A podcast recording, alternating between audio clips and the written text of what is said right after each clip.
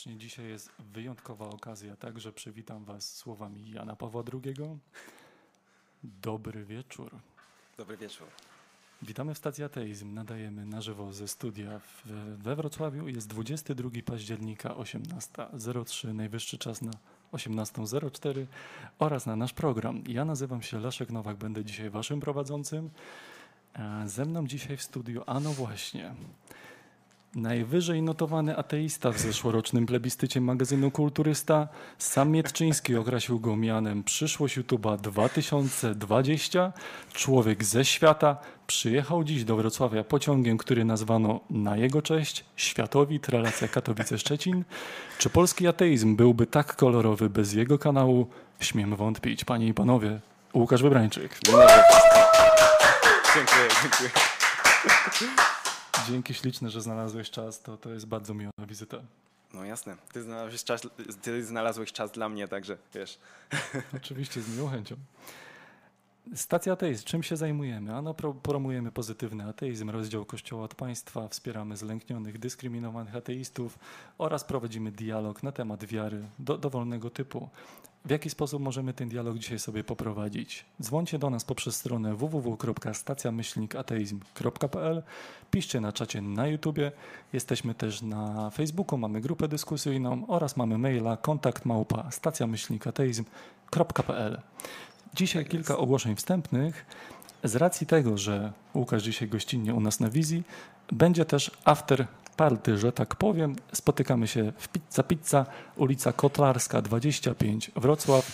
Mniej więcej godzina 20. Sprzątamy studio, jedziemy od razu, także koło 20 powinniśmy się pojawić. Bar Pizza Pizza Kotlarska, Kotlarska 25. Będzie Łukasz, będzie ekipa, Będę. będą też, też fani, także myślę, że będzie ciekawie. Drugie ogłoszonka na dzisiaj. Zbliża się we Wrocławiu bardzo ciekawa debata, na którą serdecznie wszyscy, wszystkich zapraszamy. 28 października, godziny 16-18.30. Bóg Biblii dobry czy zły?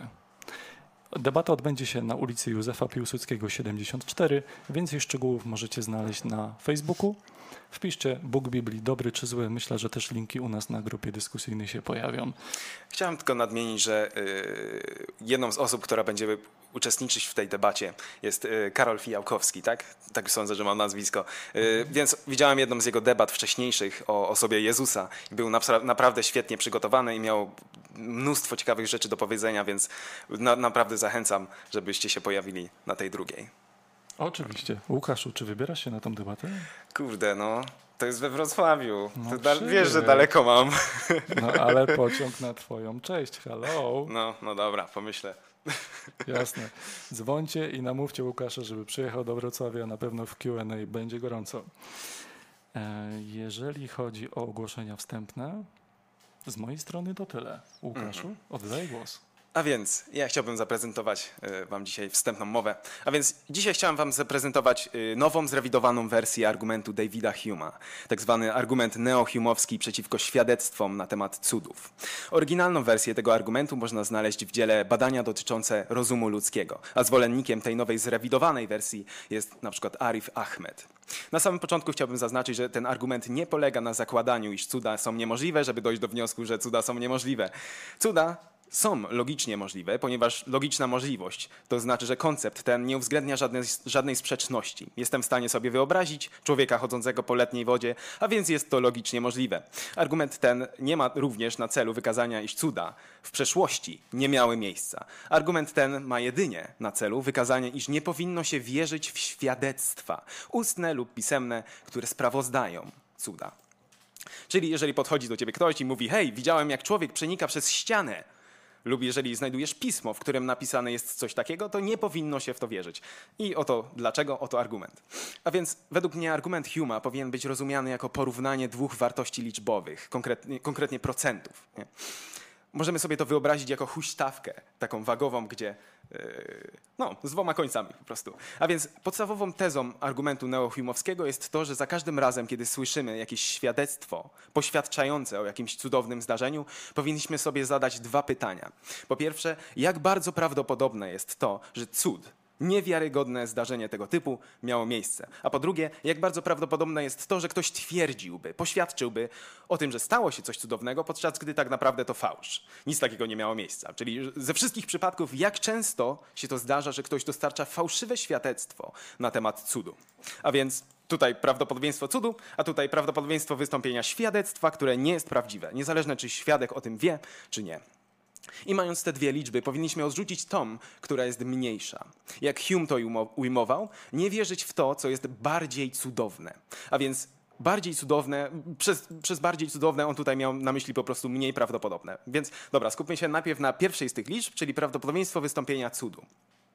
I zrobię to przez analogie, które nie są połączone z czymkolwiek nadprzyrodzonym, ponieważ na huśtawkę Huma można wprowadzić prawie każde świadectwo o każdej treści, jak zaraz zobaczymy. Więc zanim zacznę, chciałbym jeszcze dodać, że e, David Hume uważał, że człowiek roztropny to jest taki, który dostosowuje przeświadczenie do mocy dowodowej, czyli że racjonalny człowiek to taki, którego pewność co do danej tezy jest wprost proporcjonalna do dowodów, jakie ma, żeby tak sądzić.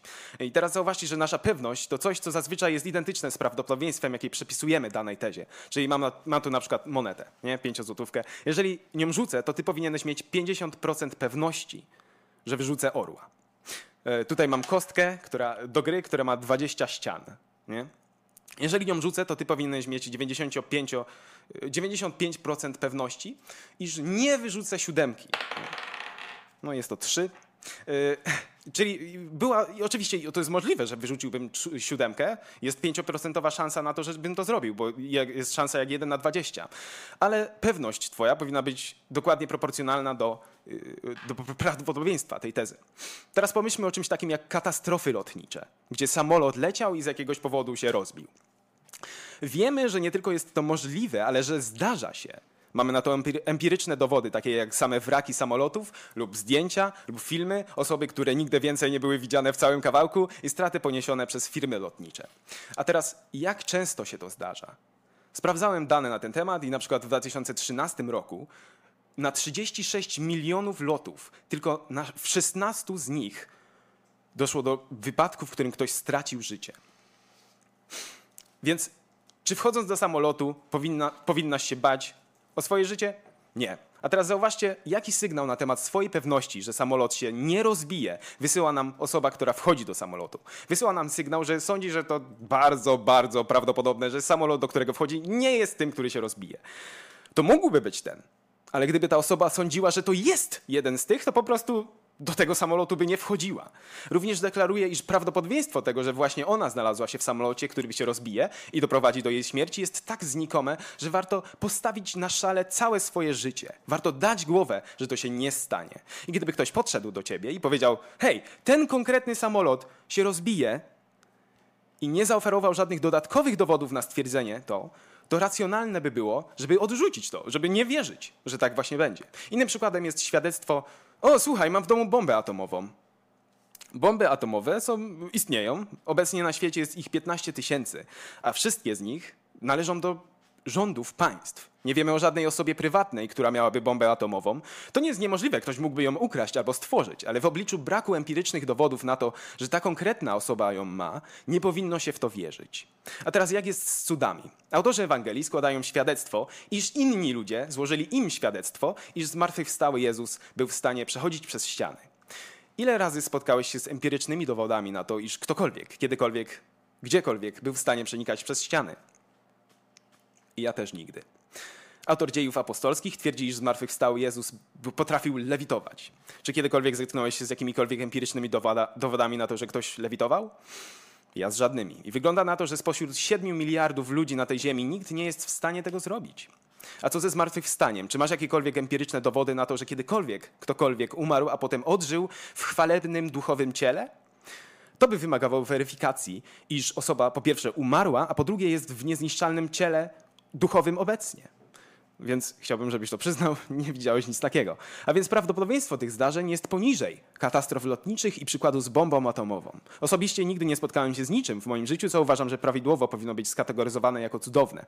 Ale nawet jeżeli byśmy przyznali, że Bóg istnieje oraz że cuda mają miejsce na przykład raz na 7 miliardów, to nadal same świadectwo nie może stanowić wystarczających racji, żeby żebyś ty miał racjonalną uzasadnienie, żeby uwierzyć, że jakaś konkretna osoba lewitowała lub przenikała. Tak samo jak, jak świadectwo nie było wystarczające w przypadku samolotu i bomby atomowej. Ok, teraz skupmy się na drugiej z tych liczb, czyli ze wszystkich świadectw o cudach, jak często się zdarza, że ktoś dostarcza świadectwo o cudzie i jest to fałsz. Pierwszą obserwacją, jaką trzeba tutaj wymienić, jest to, że twierdzeń na temat cudów jest na pęczki i większość z nich jest sprzeczna z tym, co typowy chrześcijanin uważa, że istnieje lub że się dzieje. Osobiście spotkałem osoby, które wierzyły w polarity, prawo przyciągania, czakry, wizytację UFO, odpowiedzi na modlitwy od Allaha oraz moc pierścieni Atlantów. Rodzice kłamią dzieciom na temat świętego Mikołaja i tego, gdzie idą ich martwe zwierzątka i starożytne pisma zalewają nas podaniami o cudach, często w kontekście religii, które zostały już zapomniane. Praktycznie każda obecnie istnieje istniejąca religia na świecie postuluje swój zestaw cudów. Gdybyśmy zaakceptowali je wszystkie, to zaśmiecilibyśmy swoją głowę wykluczającymi się nawzajem propozycjami. A więc zdaje mi się oczywiste, że każda dorosła, odpowiedzialna osoba sądzi, iż przynajmniej 50% wszystkich świadectw o cudach to fałsz. Tylko najbardziej rozmarzone dzieci uważają, że co drugie świadectwo na temat cudu to prawda.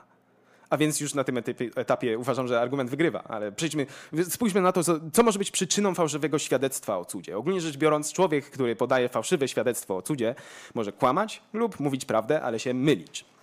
A więc kłamstwo. Leszku, słuchaj, jak ja się zamknę sam w domu, to jestem w stanie zamieniać wodę w piwo tyskie. Jakieś jak... zdjęcie, film, coś? Przepraszam, ale taka tak, robota. Tak. No więc pierwszą rzeczą, jaką chciałbym, żebyście zauważyli, to to, jak łatwe to było. To była najłatwiejsza rzecz na świecie. Wygenerowanie kłamstwa na temat cudu to jest po prostu, no cóż. I wiemy, że dzieje się to też w kontekście religijnym. Polecam przestudiować, przestudiować historię scjentologii. Świadek może też być szczery, ale się mylić. Na przykład dlatego, że umyślnie ktoś wprowadził naszego świadka fałszywego cudu w błąd. Iluzjoniści tacy jak Darren Brown, David Copperfield albo David Blaine robią to bez przerwy, a więc jest to absolutnie możliwe oraz dzieje się codziennie. Są całe sklepy, które sprzedają gadżety dla iluzjonistów. Gdyby w starożytności przedstawić tego rodzaju trik, jak na przykład zniknięcie statuły wolności wykonane przez Davida Copperfielda ludziom tam y, wtedy żyjącym, to mogłoby to być źródło tysiąca niezależnych świadectw zaistnienia cudu i każde z nich fałszywe. A to wiemy, że się dzieje w przeciwieństwie do cudów, twierdziłbym. Mamy dowody też, że triki iluzjonistyczne i mentalistyczne były używane przez religijnych kłamców, takich jak Peter Popow, Satya Sai Baba oraz już w starożytności przez takich ludzi jak Aleksander z Abonuteichos. Również są przypadki świadectw, gdzie nie ma nieuczciwości po żadnej stronie. Widzieliście może film Buzie widzę w tym tęczu? Jeżeli nie, to jest to absolutnie e, obowiązkowy materiał. Kobieta patrzy się tam na słońce i widzi najwyraźniej twarz Maryi. I problem w tym, że tam nie ma twarzy Maryi, to jest po prostu słońce i jest to widok jak, jak wiele innych słońca. Więc teraz, czy ona ściemniała? Ja myślę, że nie. A czy to znaczy, że Maryja istnieje w transcendentny sposób? Też nie sądzę. Być może po prostu doznała jakiegoś rodzaju wizji. Wiemy, że to się zdarza. Również w islamie, hinduizmie, candomblé i wśród środowisku ufologów. Czy te wizje zostały wygenerowane przez bogów tych religii lub przez UFO? Do podobnego rodzaju szczerych świadectw o cudach, które nie miały miejsca, może doprowadzić, mogą doprowadzić iluzje optyczne, pareidolia, choroby psychiczne, czyste życzeniowe myślenie, środki uderzające jak grzyby lub DMT, halucynacje lub regresja hipnotyczna. I najszerszym problemem w kwestii prawdziwości szczerego świadectwa o cudach jest problem wiarygodności naucznego świadectwa w ogóle, ale ten problem zostawiam na później. I na koniec wniosek z argumentu neohumowskiego jest prosty według mnie. W świetle tego, jak znikome jest prawdopodobieństwo każdego konkretnego cudu oraz jak ogromne jest prawdopodobieństwo prawdopodobieństwo fałszywego świadectwa. Nie jest to racjonalne, żeby wierzyć w cuda, takie jak spisane w Koranie, Bhagavad Gita lub Biblii. O ile nie dysponujemy dowodami, według mnie empirycznymi dowodami, dowodami na ich poparcie.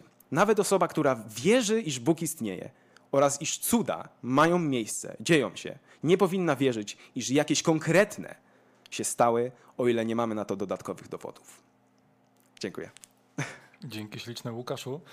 Oczywiście dzwońcie do nas, czy się, zgadza, czy, czy się zgadzacie, czy się nie zgadzacie, w szczególności kiedy się nie zgadzacie. Dzwońcie, jesteśmy w tym momencie na żywo 18.17. Dzwońcie www.stacjamyślnikateizm.pl. Dzisiaj są przećwiczone wszystkie warianty tutaj dzwonienia do nas. Powinno być lepiej niż w poprzednim tygodniu, także śmiało dzwońcie, czekamy. Łukasz, ja nie. jesteśmy do Waszej dyspozycji. Byłbym w niebo wzięty, gdybyście zadzwonili, naprawdę chciałbym pogadać. Następna okazja z Łukaszem się u nas nie szykuje w najbliższym czasie, także korzystajcie. Do 19 jesteśmy na żywo. odniosę się na szybko do wątku wizji. Mówi, że niektórzy widzą na przykład tą Bozie w tęczu i, i generalnie ten wątek wizji. Swego czasu te wizje są strasznie problematyczne, bo kilka odcinków temu, kiedy skupialiśmy się na egzorcyzmach, Mhm. Y, to był cy- cytat z magazynu Egzorcysta, który, który się tym specjalizuje.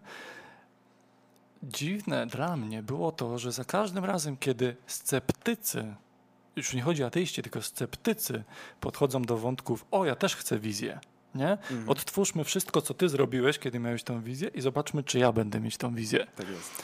W tym, w tym w artykule w magazynie Egzorcysta no, było niestety stwierdzone, że kiedy sceptycy podchodzą do takich rzeczy, mają złą energię. Nagle wtedy się nic nie dzieje. Idą do wróżki i, i patrzą metodą naukową, czy ta wróżka będzie miała rację, czy się wydarzy to, co się miało wydarzyć. Potem przychodzą do wróżki, mówią, wie pani, co się nie wydarzyło, e, poproszę następnego klienta. Dl- Dlaczego nagle takie sytuacje są ucinane? Dlaczego sceptycy w jakiś sposób są upośledzeni względem tych wizji? Jeżeli ja odtworzę każdy jeden twój krok, serio chcę spotkać Boga, serio chcę, żeby odpowiedział na moją modlitwę, serio chcę to i tamto. Jest mnóstwo ateistów, którzy za, zanim byli ateistami, byli absolutnie osobami wierzącymi, próbowali od 25 lat poprosić Boga o jakikolwiek znak, sygnał, kiedy jeszcze wierzyli. Co się często działo? No, niestety nic. I w jaki sposób to może zadziałać argument, albo ty byłeś nieszczerym wierzącym i ty nigdy nie byłeś prawdziwym wierzącym i to się nie liczy, bo sceptycy mają złą energię. Co, co myślisz o tym, Łukaszu, a propos tej złej energii, która sceptyków wyłącza z, całe, z całej tej plejady wizji? Tak więc po pierwsze, jeżeli z chrześcijańskiej perspektywy zła energia nie powinna zagrać tutaj absolutnie żadnej roli. Więc weźmy na przykład taki przykład jak, y, jak Paweł Starsu. Nie? Czyli chrześcijanie wierzą, że jednym z głównych propagatorów chrześcijaństwa był Paweł, y, który wcześniej był faryzeuszem, był Żydem i, i y, nie tylko i prześladował chrześcijan. Nie? Więc mamy tutaj, aha, i jego historia brzmi tak, że został on nawrócony przez bezpośredni akt Boga. Po prostu objawił mu się, dostarczył mu wizję i to zmieniło jego zdanie w jedną chwilę. Nie? Teraz zauważcie, że znaczy, oczywiście nie mogę wam tego objawić, że, że ja szczerze chcę wiedzieć, co jest prawdą, ale, ale tak jest, mogę wam to jedynie zakomunikować. Jeżeli Bóg chciałby mi się objawić, to jestem absolutnie na to, na to otwarty i chciałbym, żeby to się stało. Więc, aha, i y, Paweł Starsu był przeciwnikiem, był wrogiem chrześcijan. On ich prześladował, a jednak Bóg mu się objawił, faworyzując go w ten sposób. Ja jestem całkowicie otwarty na to, żeby Bóg chrześcijański mi się objawił nawet w tej chwili, a jednak to się nie dzieje. To zdaje mi się y, konstytuować rację przeciwko sprawiedliwości Boga, po, po pierwsze. A jakby nie widzę w jaki sposób, czemu sceptyk, który jest otwarty, nie otrzymuje dokładnie tego. Nie? Dla Pawła to zdało się, zdawało się być wystarczające, nie? że po prostu pś, i nagle był już chrześcijaninem. Nie? Czemu nie jest dla nas? Czemu w tej chwili nie, nie doświadczamy dokładnie tego samego? Jeżeli sceptyk dostanie mocny dowód, to uwierzy, tak? Sceptyk nie oznacza, nie wiem, cynika, czy nigdy w życiu ci w nic nie uwierzę, nawet jak mi pokażesz nagranie HD pod każdym możliwym kątem. Nie, po prostu sceptyk ma wyższą potrzebę dowodową, ale jeżeli ona się wydarzy, no to, to temat jest otwarty, tak? Ja myślę, że ma prawidłową postawę dowodową, gdyż inna, taka na przykład, gdzie kierujemy się wiarą lub, lub e, chwytamy się jakiegokolwiek emocjonalnego doświadczenia, to jest coś, co prowadzi do sprzecznych wniosków. W tym sensie, że hinduista lub muzułmanin może powołać się na dokładnie te same emocje, powołać się na dokładnie, na, na, na wizję. Nie? No, ale a wracając, tak, tak? Lu- Ludzie w każdej wierze, w każdej religii opisują swoje doświadczenia pod kątem to ja spotkałem mojego Boga, to ja spotkałem mojego Boga, to ja spotkałem moich bogów i w jaki sposób mamy im, nie wiem, wszystkim naraz uwierzyć? Nikomu. No jakby potrzebujemy tu jakąś metodę rozróżniania, kto te wizje doświadcza zgodnie z realiami, które się tam wydarzyły, a kto, ty, kto tych wizji do, doświadcza tylko i wyłącznie subiektywnie, tak jak chociażby sny dzieją się subiektywnie w naszym mózgu i nikt inny nie, nie wie, o czym ja śnię wczoraj, dzisiaj, jutro, a ja tego doświadczam, tak? Tak jest. Te sny się realnie nie dzieją. Także jest ogromny problem z tymi wszystkimi wizjami w różnych religiach, bo one się wzajemnie wykluczają. Ciekawe jest, że występuje ogromna korelacja między tym, jakiego wyznania religijnego jesteś, a kogo dostrzegasz w szpitalu, kiedy jesteś w stanie śmierci klinicznej. I potem się budzisz na przykład i mówisz, no ja spotkałem Jezusa, ja spotkałem Wisznu. Hmm. Dlaczego wszyscy nie spotykają tego samego jednego stwórcy? Mm. To wszystko zależy od kultury. Dlaczego, kiedy mm, pojawiły się filmy science fiction dotyczące UFO, to potem pojawiła się o wiele większa spójność tego, jak, ludzie wygląda. opisują tych ufolutków, Tak tych jest. kosmitów, że mają duże głowy, te takie No. oczy takie straszne, że zielone czy tam szare te głowy. I od kiedy te filmy są w popkulturze, to zeznania są podobne. Tak jest. Materiał, który polecam na ten temat, to materiał pana, który nazywa się Joe Nickel. Y, On właśnie skompilował książkę na ten temat, y, że rzeczywiście było tak, że w historii, że podania na temat obcych, jak, jak, na temat tego, jak wygląda kosmita, marsjanin lub osoba z jakiejś innej planety, y, były naprawdę mm, różnorodne. Były to n- na przykład wielkie, włochate bestie, które miały 3 metry nie? i takie umieśnione. To dopiero filmy i, i kolejne jakby przedstawienia hollywoodzkie kształtowały nam typowe wyobrażenie tego, jak wygląda kosmita z tą swoją owalną głową i, i zieloną skórą. To dopiero wszystko było jakby wykreowane przez popkulturę. Znaczy, przynajmniej takie jest naj, najprostsze wyjaśnienie tej kwestii. Oczywiście moglibyśmy się mylić, ale, ale rzeczywiście myślę, że to jest dużo bardziej ta obserwacja, że, że y, te świadectwa na temat tego, jak wygląda ufoludek, zaczęło, zaczęły być spójne, nie różnić się i być spójne dopiero w czasie po tym, jak hollywoodzkie filmy zaczęły sprzedawać konkretny imidż tego, jak ufoludek wygląda. I wtedy ten pomysł, ten mem zapada nam w pamięć. Za każdym razem, kiedy ktoś rozmawia o kosmitach na ulicy, mamy wyobrażenie hollywoodzkie w głowie, no bo niekoniecznie sami z siebie mogliśmy tego kosmitę spotkać. I wszyscy rozmawiamy tymi konceptami, które gdzieś tam w popkulturze krążą, tak samo jak koncept świętego Mikołaja w popkulturze krąży. Jeżeli, jeżeli teraz powiem święty Mikołaj, widzicie czerwonego gościa z białą brodą. Natomiast kiedyś to tak nie wyglądało. Zwłaszcza, że on jest po prostu katolickim świętym, z tego co, co rozumiem. Po prostu wyglądał jak biskup i miał, miał przebra znaczy przebranie, strój. Taki Wyglądał jak, bardziej jak współczesny biskup, Tak, którego tak. znamy z y, telewizji, nie? Tak jest, z tego co rozumiem. Mhm. A propos jeszcze mm, kosmitów, jeżeli ktoś w Polsce, raczej to, to myślę są rzadkie zjawiska u nas w porównaniu na przykład ze Stanami Zjednoczonymi, ale jeżeli by ktoś w Polsce był kiedyś wezwany, porwany przez kosmitów, wrócił na Ziemię, posłużę się tutaj cytatem z Nila deGrasse Tysona, co on radzi w tym momencie. To jest taki pan naukowiec, astrofizyk, który bardzo się interesuje kosmosem. On jest jedną z pierwszych osób na tym świecie, które marzą o jakimkolwiek potwierdzeniu tej informacji. Nie jesteśmy sami. I jaką ma radę pan deGrasse Tyson? Jeżeli porwą cię kosmici, to nie wracaj potem na Ziemię i nie mów, słuchajcie, porwali mnie kosmici. Tutaj rysunek, jak wyglądali, tutaj mówili panta, fanta, fanta, fanta, fanta. Ja wiem, że nie rozumiecie, ale musicie mu wierzyć na słowo. Nie. Jak tylko będziesz, obudzisz się, ockniesz, wyjdziesz z tej śpiączki, z narkozy i patrzysz, jesteś porwany przez UFO. I oni tam między sobą jeszcze dyskutują, bo myślą, że jesteś, jeszcze, jeszcze jesteś w trakcie narkozy.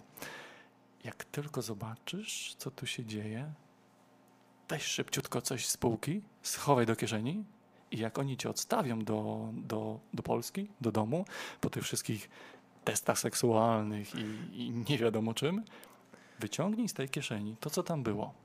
Zanieś do pierwszego uniwersytetu, jaki tylko spotkasz.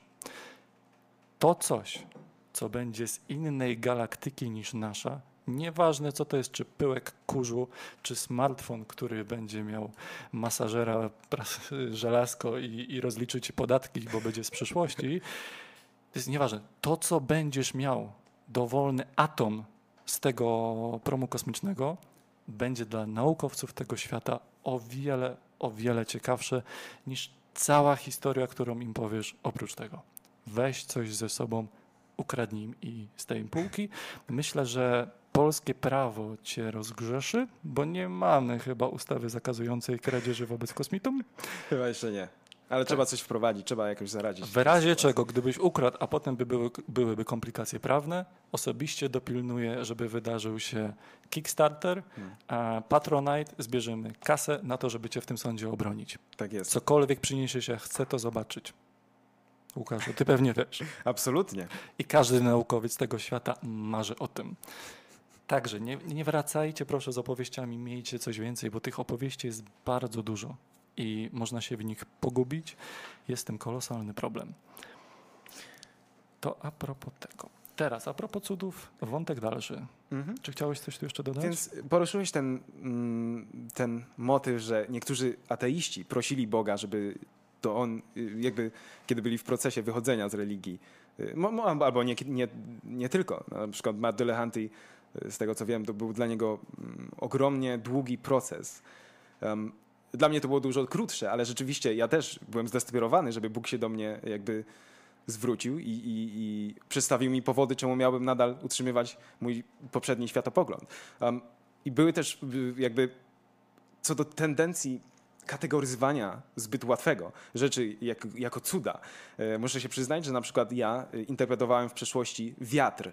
Y, na przykład w, pewnej konkretnej chwili mojego życia myślałem, że Bóg się do mnie y, chce się ze mną skomunikować i chce mnie posłać w konkretną y, stronę, po prostu używając wiatru, który po prostu pada na moje ciało i, i, i kieruje mnie tam. Y, Raz też myślałem, że Bóg komunikuje się ze mną przez chmury. Przepraszam, a propos wiatru mogę? Mhm, tak, Bo ja tak. zupełnie inaczej się bawiłem z wiatrem, to może za chwilę. E, Na osiedlu tam się bawiliśmy w Supermocy. Ale e, czy z tym wiatrem szedłeś do sklepu jeżeli Mm. wiatr powiał z prawej, to jednak szedłeś do tego sklepu w lewo? Do- Dobrze rozumiem? Nie, nie. Y, Znaczy, ja wtedy myślałem, że on mnie prowadzi do kościoła w ogóle. Nie. I szedłeś do kościoła Tak, mhm. Prowadzony tym wiatrem. tak jest. Za każdym razem, kiedy zawiał codziennie? Czy, czy... Nie, nie, nie, to była po prostu jedna konkretna sytuacja. A, nie? jedna Taka, gdzie do, do skrajnej przesądności doszło w moim umyśle. Przynajmniej ja tak obecnie to e, jakby interpretuję. Nie jestem, nie jestem w stanie wykluczyć, że jakieś bóstwo chciało się do, ze mną z- zakup, wiesz, skontaktować przez wiatr, ale nie jestem w stanie tego zrobić dzisiaj, jak wyjdę z tej klatki. Nie? Także Czyli chodziłeś w stanie pełnym wątpliwości, poszukiwania Boga i pewnego, sytu- pewnego momentu wtedy, nie, wtedy dość, i uznałeś, że Mhm. odpowiedział, tak? Nie, w- Wtedy dość, y, dość pewny byłem tego, że, że raczej że chrześcijaństwo jest prawdą. Nie? I co się wydarzyło na drugi dzień z ciekawości w tej historii z wiatrem? O, Nie pamiętam. Nie, nie jestem w stanie Okej, sobie otworzyć dobra. tego. Ale jakby chciałem przez to zasugerować tą tendencję. Y, Oczywiście znajdziecie setki podań tego typu, gdzie ludzie znajdują na przykład y, na, na, y, na toście, który jest źle dopalony albo przypalony, twarz Jezusa, albo odnajdują to w różnych, różnego rodzaju konfiguracji, nie wiem, skał i właśnie w chmurach, gdzie znajdują twarze świętych albo Jezusa i Maryi. My mamy tą taką tendencję do, zwłaszcza jeżeli ktoś chce, te, desperacko chce tego to, to znaleźć, chce wiedzieć, że coś odpowiada z drugiej strony, kiedy on lub ona się modli. To jakby jest ta tendencja, żeby po prostu kategoryzować rzeczy jako cudowne, bez żadnego uzasadnienia. Rzeczy, które równie dobrze mogłyby być interpretowane na tysiąc innych sposobów i po prostu, wiesz, są rezultatem, według mnie, po prostu mm, wybiórczego spoglądania na rzeczy. Nie? Tak, u osoby wierzącej często zachodzi taka potrzeba, skoro idę się modlić, to oczekuję efektu tej modlitwy i tym samym jestem nastawiony na efekty tej modlitwy i jest tu ryzyko, że podepniemy coś pod efekty tej modlitwy, kto inny by nie podpiął. Nie? I a propos em, tego oczekiwania i podpinania pod kategorię modlitwa się spełniła, cud, Mhm. cud zaszedł, mamy pewien przykład dzisiaj pod ręką. I to jest zaskakujące, jak bardzo niektóre osoby wierzące potrafią żyć na co dzień w kontekście cudów, że te cuda są pod ręką od tak, że modlitwy działają od tak i są nawet całe, całe rzesze polityków, całe kampanie prezydenckie czy to samorządowe i całe sposoby zarządzania krajami, które traktują modlitwy i cudy jako takie same narzędzie jak rozliczanie podatków i, i sterowanie inflacją. I przykład tego, co mam na myśli, jest zaczerpnięty z innego kanału Słowo na Niedzielę. E, prosimy o materiał. i pokoju. Minister Obrony Narodowej Antoni Macierewicz tłumaczy, co przyczyniło się do zawieszenia protestu opozycji w Sejmie. No, trzeba też powiedzieć o jednym jeszcze czynniku i trzeba to sobie jasno uświadomić. Nie byłoby tak skutecznego i szybkiego działania, które y, y, zrealizowało kierownictwo Prawa i Sprawiedliwości, pan y, premier Kaczyński, pan marszałek Kuchciński, całe kierownictwo PiSu, cały klub parlamentarny, a nie byłoby zapewne tego, tej skuteczności, gdyby nie mm, obecność kierownictwa Prawa i Sprawiedliwości 23 grudnia 2016 roku y, y, przed ołtarzem, przed y, obrazem Matki Boskiej Częstochowskiej. E, Nie ma wątpliwości, że ta nasza wspólna modlitwa wówczas była dobrym znakiem, dobrą zapowiedzią i skutecznym, jednym z wielu skutecznych, decydujących działań, jakie zaowocowały w dniu dzisiejszym. Jesteśmy z powrotem. Jasna Hej. sprawa. Fragment, który najbardziej mnie zaciekawił w tej wypowiedzi, nie ma co do tego wątpliwości, że ta modlitwa pomogła, że wydarzyło się to, o co było proszone. Gdyby pan Macierewicz powiedział, nie mam co do tego wątpliwości, my na końcu tego słowa. Nie, on powiedział, nie ma co do tego wątpliwości. I teraz. Słowo nie ma wątpliwości brzmi absolutnie. To jest twierdzenie, które obawiam się, że nie jest do obrony nawet przez ministra obrony narodowej. Jeżeli nawet przyjmijmy, wszyscy katolicy w tym kraju nie mają wątpliwości co do tego, że wstawiennictwo obrazu Matki Boskiej Częstochowskiej albo nawet samej Matki Boskiej Częstochowskiej, przyjmijmy na chwilę, że ona istnieje, że katolicy w Polsce nie mają wątpliwości, okej, niech stracę, że wszyscy chrześcijanie w Polsce, niech stracę, niech wszyscy chrześcijanie na świecie nie mają wątpliwości co do tego, że działania partii rządzącej pod obrazem Matki Boskiej Częstochowskiej spowodowały takie, a nie inne konsekwencje. 100% pewności. To nawet wtedy nie znaczy, że nie ma wątpliwości w, sensie absolutnym, bo oprócz katolików i chrześcijan na świecie mamy jeszcze zdecydowaną większość ludzi, którzy tej religii nie podzielają, albo są w innej, albo są bez żadnej, więc takie slogany jak nie ma wątpliwości co do tego, co tu się wydarzyło, są ignoranckie, aroganckie i nie wiem, w jaki sposób można tak traktować z szacunkiem różnorodność obywateli w danym kraju. Łukaszu, co myślisz o, o wypowiedzi co do, dotyczącej obrazu? Cóż, po pierwsze, ja nie wiem, ja bym chciał się jego zapytać, w jaki sposób on odkrył, że modlitwa do Maryi rzeczywiście miała wpływ na polityczną sytuację, na, na te konsekwencje, jakie jak potem się rozwinęły.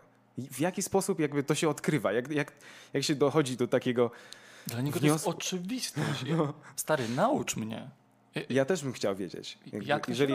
Mm, jest- jak- jeżeli jest jakiś sposób rozstrzygnięcia, czy to była Matka Bos- Boska, czy może było to coś innego, na przykład po prostu działania tej partii, to jakby ja jestem pierwszy, żeby, żeby mm, pierwszą osobą, która chętnie by usłyszała, jak to działa. Nie? www.stacjamyślnikateizm.pl Panie Antoni, zapraszamy do rozmowy. W To jaki najlep- sposób Pan ustalił, że modlitwa przy obrazie Matki Boskiej Częstochowskiej zaowocowała tym, co, co Pan wspomniał? Jak ustalić tą zależność? Jak wykluczyć wszystkie inne możliwości? Takie rzeczy i tak by się wydarzyły, jedna z nich, e, niezależnie od tego, czy modlitwa byłaby pełna, czy do połowy, czy by w ogóle jej nie było, czy by była do innego obrazu. Jest, jest tyle innych opcji i nie ma wątpliwości, czyli rozumiem, jakoś Pan to ustalił. www.stacjamyślnikateizm.pl Jesteśmy dzisiaj do 19, a co tydzień od 18. Niech mu ktoś wyśle SMS-a, jeżeli macie telefon. Jeżeli ktokolwiek z naszych widzów zna odpowiedź na to pytanie i mógłby tutaj nam dopomóc w tej zagadce, oczywiście dzwońcie również. em, nie tylko polityków wpuszczamy na wizję. E, drugi wątek, który koniecznie dzisiaj w odcinku trzeba poruszyć. Mhm. A propos cudów, oczywiście dalej możecie dzwonić. Na chwilkę zmienimy temat. Ostatnio pojawił się wywiad dwuczęściowy między tobą a mną Tak jest. na, na naszym kanale i, i na Twoim. I rozmawialiśmy tam troszeczkę o epistemologii ulicznej, o książce pana Petera Bogusiana w wolnym tłumaczeniu Poradnik Tworzenia Ateisty. I narosło na temat tej książki, tej metody, tego tytułu nieszczęsnego wiele mitów, które i, i komentarze pod YouTube'em się pojawiły i tak dalej, do których dzisiaj chcę się odnieść. Epistemologia uliczna jest to metoda konwersacji, która skupia się na tym, żeby u naszego rozmówcy pobudzić refleksję do tego, w jaki sposób on doszedł do przekonań, jakie ma w głowie, dlaczego takie, a nie inne. Jesteśmy po prostu ciekawi, co się wydarzyło na tej drodze, nieważne co było na końcu, tylko jak wyglądała droga. To nie jest metoda kłócenia się, to jest metoda dociekania. Co tam się wydarzyło?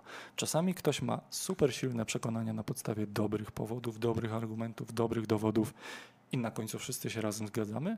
Czasami się okazuje, że ktoś ma super silne przekonania na podstawie złych powodów, słabych argumentów, słabych dowodów i kiedy porozmawiamy sobie obustronnie, obustronnie możemy na ten temat skorzystać nową wiedzę i a nuż ta refleksja pobudzi do dalszych dociekań u drugiej osoby.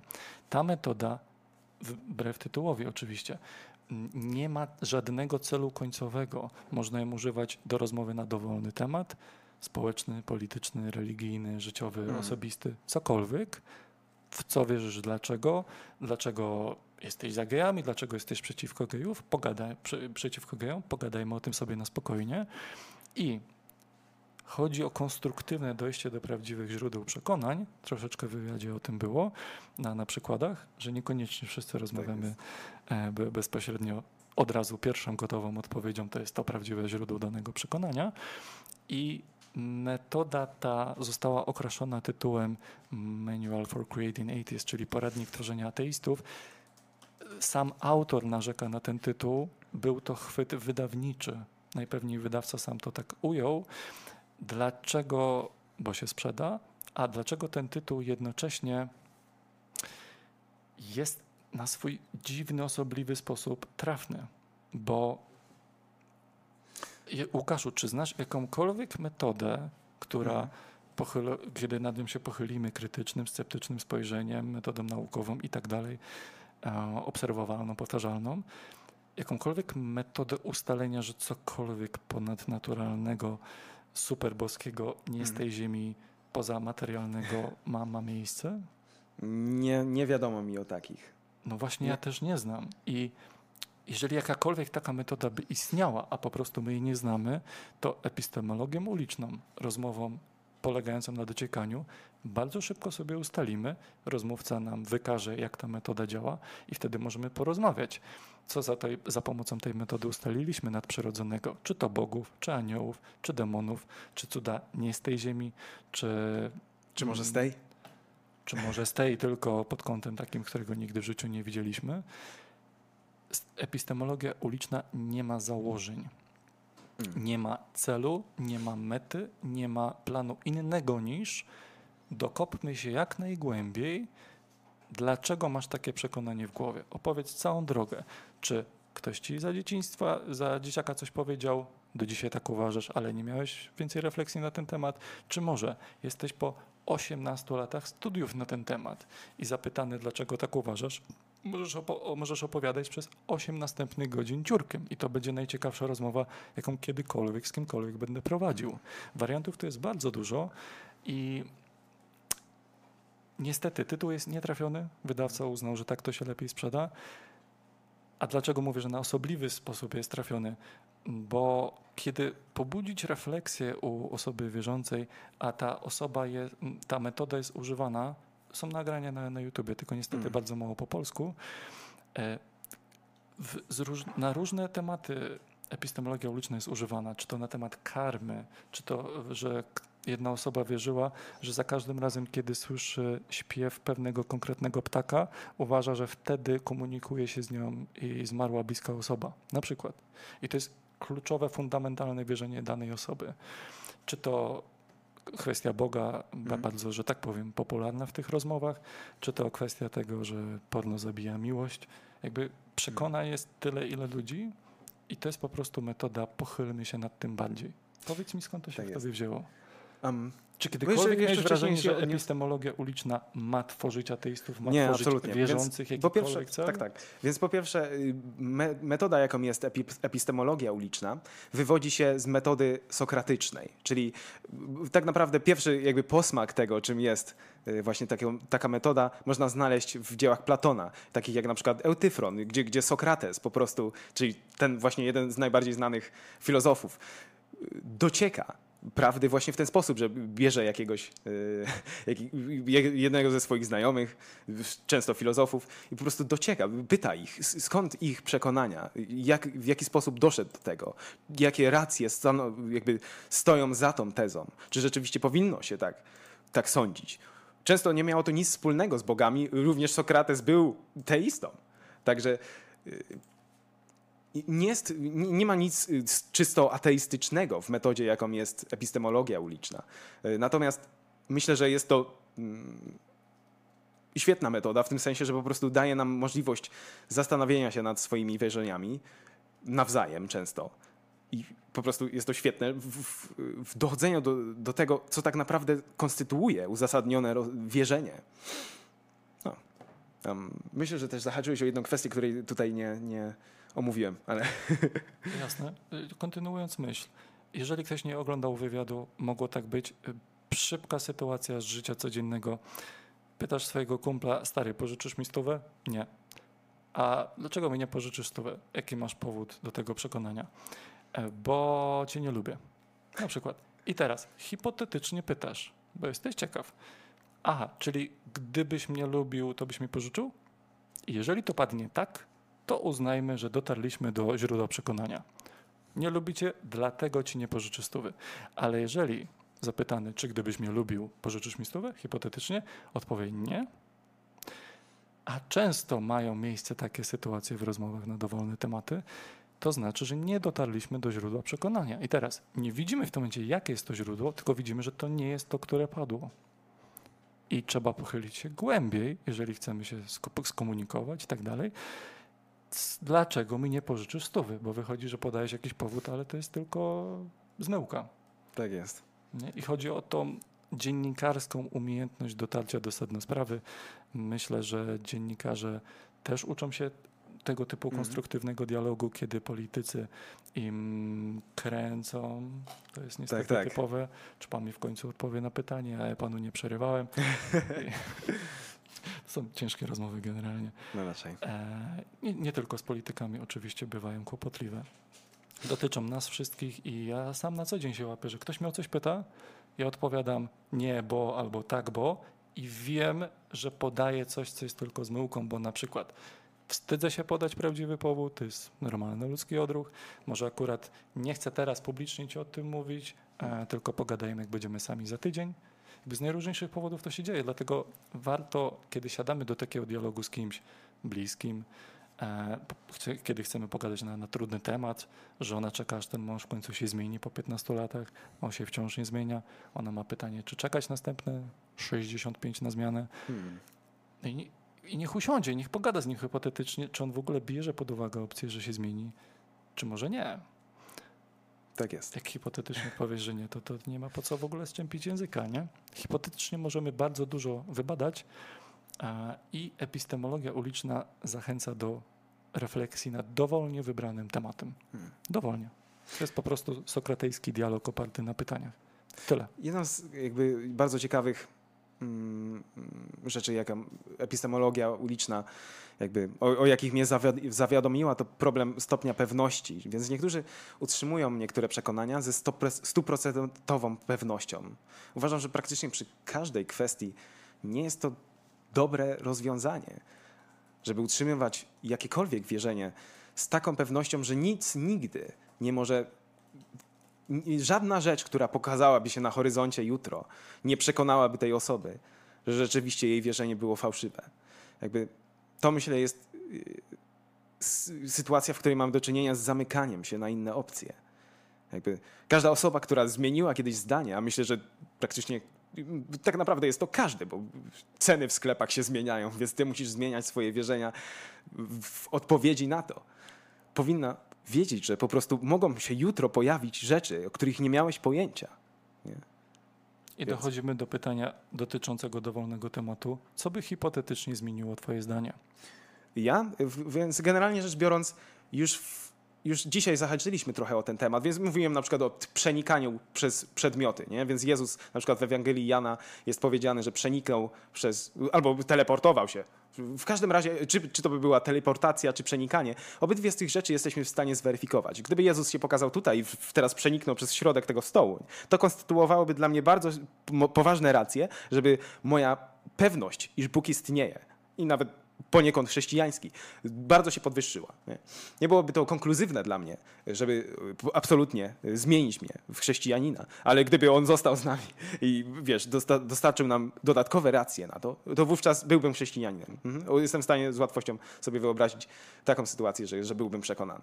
Czyli na przykład, gdyby za chwilę Jezus w środku tego stołu i mówi, cześć, jestem Jezus, jesteś To- chrześcijaninem. M- y, Nie, nie, od razu, nie od razu złapałbym chrześcijaństwo, wiesz, bo oczywiście chrześcijaństwo postuluje cały zestaw, wiesz, naprawdę niewiarygodnych rzeczy, jak to, że na przykład gdyby Jezus się tu pojawił i wszedł w środek stołu, to nijak nie wykazywałoby jego idealnej dobroci, tego, że kocha wszystkich, tego, że wybaczył grzechy, tego, że, że jest wszechobecny, jakby, y, więc trochę więcej bym wymagał, żeby złapać wszystkie te przekonania. Ale jestem w stanie wyobrazić sobie rzeczywiście y, inne cuda, które i, więcej ich, y, albo takie, które pozostają, które rzeczywiście y, sprawiłyby, że byłbym chrześcijaninem. Mhm. Rozumiem, czyli wierzyłbyś Boga, ale jeszcze cała sprawa. Nawet mm, nie wiem, czy już wówczas wierzyłbym, na pewno wierzyłbym, gdyby Jezus pojawił się tutaj i wszedł w środek naszego stołu. Z pewnością wierzyłbym, że jest to zjawisko jak żadne inne. I że jest to spójne z, z tym, co prezentują Ewangelie. Nie? Jest, to poda- jest to cud, który jest opisany również w Biblii. Nie? Więc było to, byłoby to, konstytuowałoby to trochę pewniejsze racje, że rzeczywiście coś w związku z chrześcijaństwem się tu dzieje, niż na przykład z hinduizmem. Nie? Na pewno moje podejście do cudów by się zrewidowało w jedną chwilę. Nie?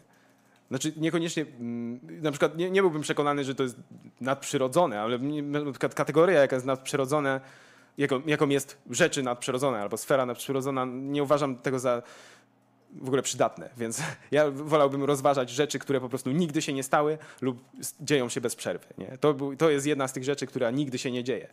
A więc konstytuowałaby rację na, za tym, żeby, żeby zmienić swoją pewność co do na przykład silnego ateizmu mojego absolutnie. Nie? Teraz znajduję, w obecnej chwili znajduję samego siebie z bardzo mocnym przekonaniem, iż, iż chrześcijaństwo jest fałszywe. Wówczas to by się zmieniło diametralnie. Nie? Mhm. Przepraszam, za sekundkę będę. No, może ja mam coś do dodania na, na, w kwestii. E, hmm. Przepraszam cię. E, Bo, bo, mm, e, są próby połączenia, tylko nie mamy pojęcia, dlaczego to, to się nie udaje. Mhm. Poprzednie błędy zostały naprawione, przepraszamy najmocniej.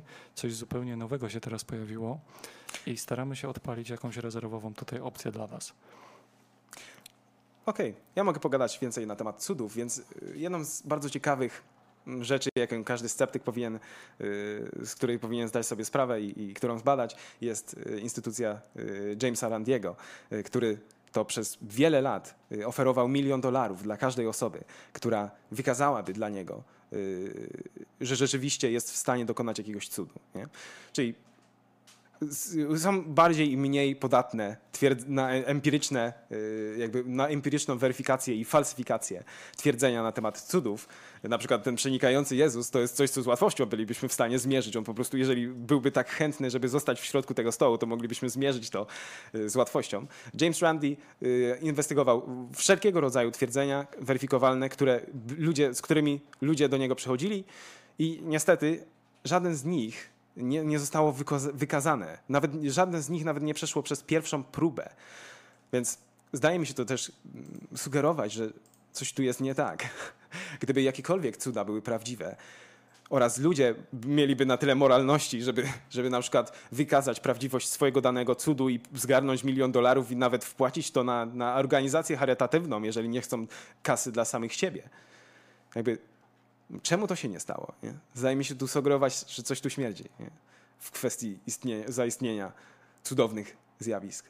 No jak sceptycy patrzą nam na ręce, no to nam nie wychodzi. Akurat nie jesteśmy wtedy we formie. To jest wina sceptyków. Tak.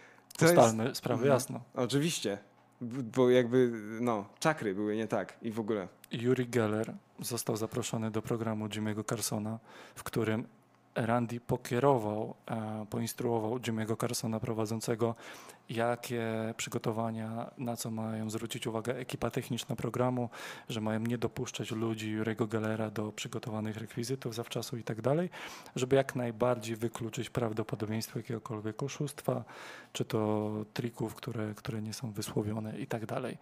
No i co się wydarzyło? Przyszedł Yuri Geller do programu, spróbował użyć swoich mocy na, na kilka różnych sposobów. No i publicznie w telewizji powiedział, że coś dzisiaj nie jest we formie i, i nic się nie wydarzyło. Hmm.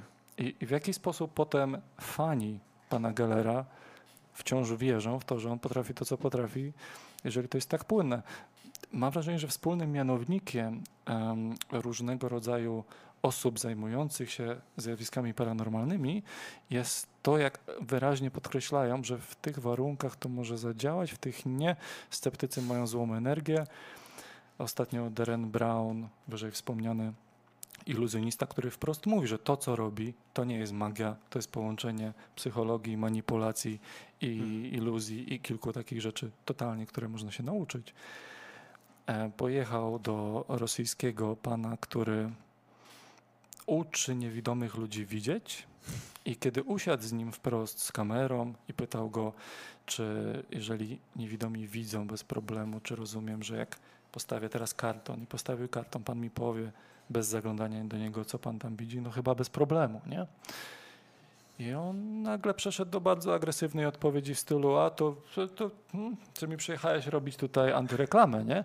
I wiesz, i rób sobie tą swoją antyreklamę, a to i tak nam pomoże, także rób sobie śmiało, ja ci teraz nie będę nic pokazywał, bo ty w ogóle, ty nie jesteś naukowcem. Skąd nagle tyle agresji, kiedy po prostu ciekawy Darren Brown zadał pytanie, czy jest pan w stanie powiedzieć, co jest w tym kartonie? Tak jest. Przy tym, co pan twierdzi, to powinna być oczywistość i na co dzień każdy adept pana warsztatów po ukończeniu warsztatów powinien to potrafić. No pan, pan to No twierdzi, nie ja, pan Tak to jest. twierdzi. Mnie też fascynuje, czemu zielonoświątkowi chrześcijanie nie, nie garną się do tego, żeby przetestować swoje metody, żeby po prostu wykazać skute- ich skuteczność raz na zawsze. Szczerze mówiąc, ja byłbym zainteresowany takimi badaniami. Gdyby naprawdę jakiś zielonoświątkowy pastor był na tyle pewny tego, że jest w stanie uzdrawiać, co jest w ich, ich mm, jak coś, mm, statement of faith, nie wiem jak jest po polsku. Mm, Świadectwo Świadec- wiary, No chyba tak. twierdzenie wiary. Tak jest. Generalnie chodzi o listę dogmatów, pod którymi cały Kościół się podpisuje. Tam są uzdrowienia, ty, więc w teorii zielonoświątkowiec wrę- wręcz ma obowiązek, żeby w to wierzyć. Czemu, czemu oni nie garną się do przetestowania tej metody, do wykazania, iż to prawda? To by mi naprawdę zainteresowało, gdyby wyszły badania, które, które rzeczywiście wykazują, iż to działa. Nagle moglibyśmy zmienić konwencjonalne metody leczenia na, na no właśnie zielonoświątkowe, gdyby rzeczywiście było to skuteczne. Tylko zdaje się, że tak nie jest.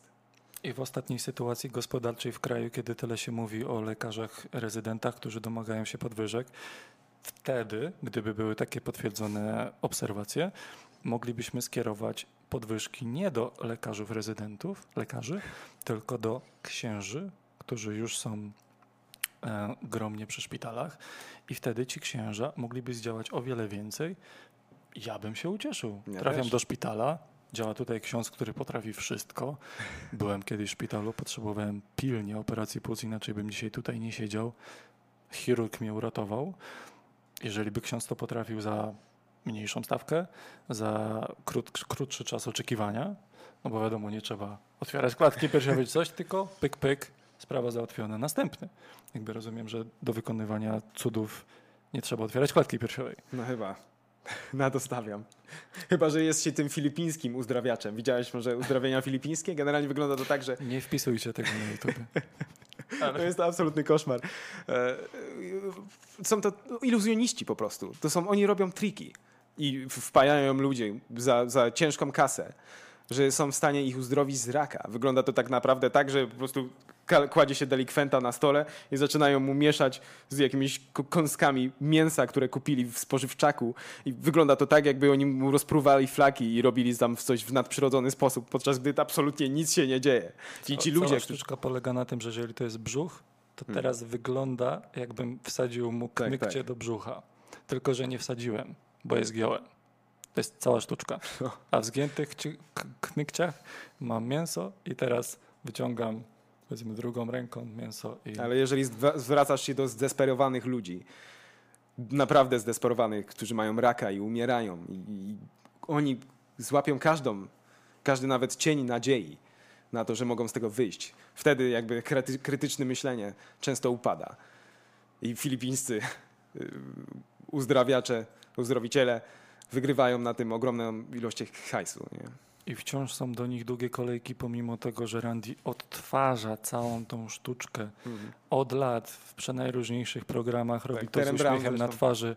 Gościu, który leży na stole, e, zapytany w trakcie tego krwawego występu, jak tam się czujesz? E, wszystko okej, trochę swędzi. Jakby. Kiedy kończymy? Przecierają, czysty brzuch, Randy idzie do domu, pan idzie do domu. Randy to robi na co dzień. Ile razy jeszcze ma to pokazać światu, żeby ten proceder był przerwany? Tak jest. ludzie często trafiają do takich uzdrowicieli od razu, a nie najpierw wykorzystując wszelkie możliwe dostępne opcje medycyny i chirurgii, które mamy w XXI wieku.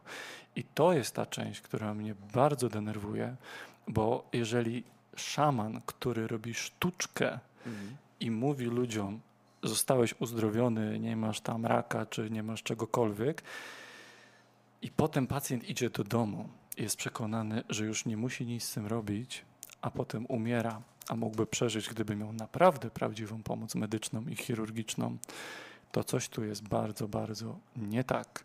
Takie działania są niemoralne, są jawnym oszustwem, wykorzystywaniem naiwnych i zlęknionych ludzi, tylko i wyłącznie dla celów pieniężnych. Tak jest. jest. Polecam też stronę children'shealthcare.org, którą prowadzi Rita Swan. Generalnie są tam opisane przypadki, kiedy nawet chrześcijańskie metody, na przykład jest tak, jak, taka instytucja jak Christian Science chyba Institute, tak się chyba nazywa. Generalnie Christian Science to jest, no, to jest coś w rodzaju mm, świnki morskiej. Ani nie jest to świnka, ani nie jest morska. Więc Christian Science ani nie jest science, ani nie jest Christian. Ale generalnie, wiesz, twierdzą, że y, tylko na podstawach biblijnych formułują swoje metody leczenia i ludzie umierali z tego powodu. Po prostu tracili życie, często dzieci. Z tego powodu, że chrześcijańskie, biblijne metody uzdrawiania się im aplikowało. No. Ile ludzi zginęło, a mogłoby przeżyć? I jeżeli nikt by nie ginął i wszyscy by przeżywali, nie byłoby tematu rozmowy, tak? Tylko mamy problem. Ludzie giną, a medycyna czeka. Pomóżcie nam z tym problemem. Pomóżcie nam, nie, nie, nie, niezależnie od tego, czy wierzycie, czy nie, walczyć z szarlatanami, którzy tylko i wyłącznie wyzyskują, oszukują i nic więcej tam nie ma miejsca. Tak. I jeszcze podpinają po, to pod Boga, pod Jezusa, bo to są hasła, które marketingowo wchodzą jak masełko. Ich nie interesuje to, czy ten Bóg istnieje, ich interesuje to, że na hasło Jezus zbiegnie się mnóstwo ludzi, którzy wyciągną portfele i bez liczenia pieniędzy oddadzą wszystko, co mają. Ludzie, myślę, są spragnieni z natury takich niewiarygodnych stwierdzeń, takich rzeczy, które ubarwiłyby życie w jedną chwilę od, od razu. I często żerują na tym szarlatani, tacy jak jasnowidzę lub właśnie mentaliści różnego rodzaju, y, którzy twierdzą, że rzeczywiście mają jakieś nadprzyrodzone siły. I myślę, że to może być z łatwością, zresztą wiemy historycznie, że to było powodem nadużyć różnego rodzaju. Myślę, że, że nie tylko, że nie ma podstaw, żeby sądzić, że istniały jakieś prawdziwe cuda. Wiemy też, że twierdzenia fałszywe na temat cudów szkodzą ludzkości. Zjawisko biznesu jest tak bardzo skupione na pieniądzu, że biznes bardzo często w ogóle odkłada moralność na bok, bo tu nie o to chodzi. Prosty przykład.